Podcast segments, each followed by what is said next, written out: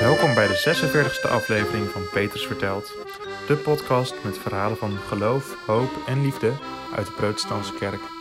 In deze aflevering vertelt Roelien een liefdevol verhaal over haar trouwring. Ik wil jullie het verhaal vertellen van mijn trouwring. Uh, en niet omdat ik het symbool zo mooi vind, dat vind ik ook. Niet omdat ik de vorm ervan zo mooi vind, dat vind ik ook. Maar omdat er nog iets anders mee aan de hand is. En dat is geen groots en meeslepend verhaal. Het is een klein en intiem verhaal over mijn liefde. Maar ik hoop dat ik jullie toch mee kan nemen in dat verhaal. Mijn verhaal begint eigenlijk als ik een klein toen ik nog een klein meisje was en ik met de Barbies speelde.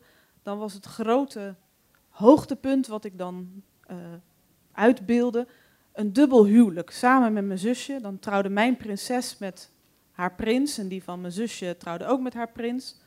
Groot, met mooie jurken, met een ring erbij, duiven, postkoetsen, nou ja, u verzint het maar, de hele rimram.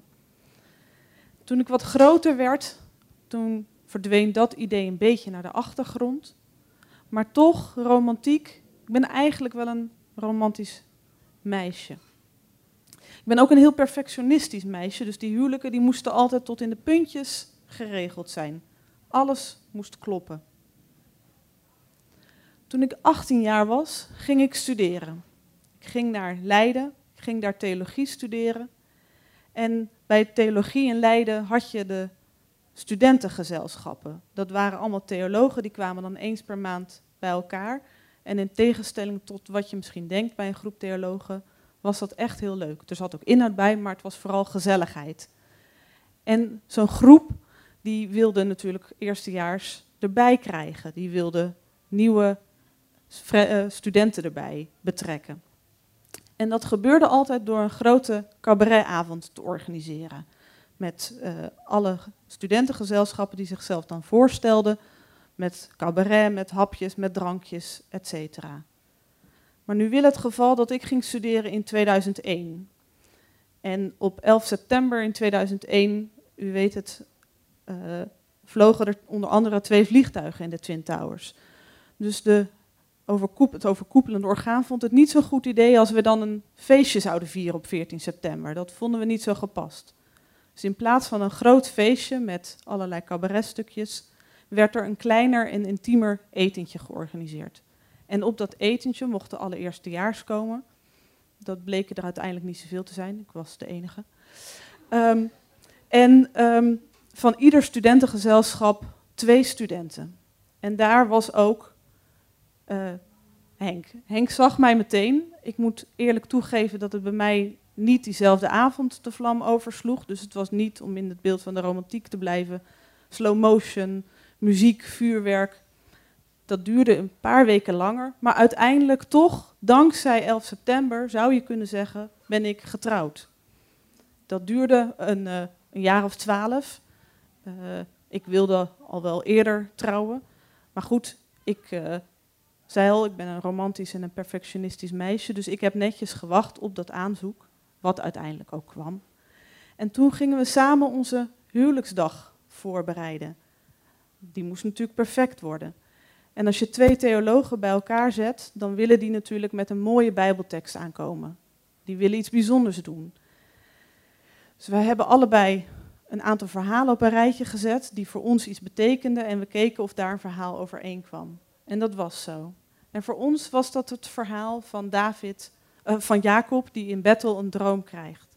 Jacob heeft net zijn vader en zijn broer bedrogen, vlucht dan omdat hij bang is dat zijn broer hem iets aan wil doen, komt dan in Bethel terecht en krijgt een droom. En in die droom ziet hij engelen van boven naar beneden langs een ladder heen en weer gaan. En God zegt tegen hem: Ik zal voor je zorgen, ik zal bij je zijn. En dat verhaal betekent voor mij dat je niet perfect hoeft te zijn, dat God toch met je meegaat. En dat vind ik sowieso het prachtige van al die verhalen uit het Oude Testament. Die gaan over hele gewone mensen die van alles meemaken. En dat God toch steeds bij die mensen aanwezig is. Nou ja, toen kwam onze trouwdag. Die moest natuurlijk perfect zijn. Ik kan u vertellen, een trouwdag, daar gaan altijd dingetjes mis. Ehm, gelukkig merk je daar zelf niet heel veel van.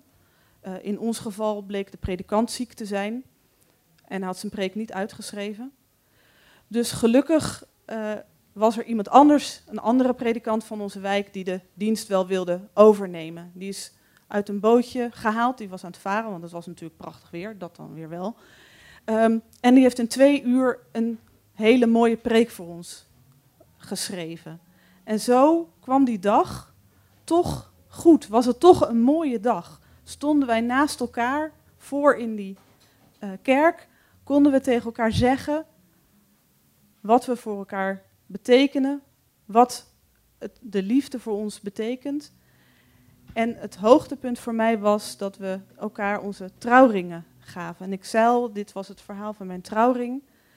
En het bijzondere van onze trouwring is dat er niet in staat met wie ik ben getrouwd of wanneer. Dat wist ik wel. Dat weet ik ook nog steeds. Maar wij hebben onze trouwtekst erin laten graveren.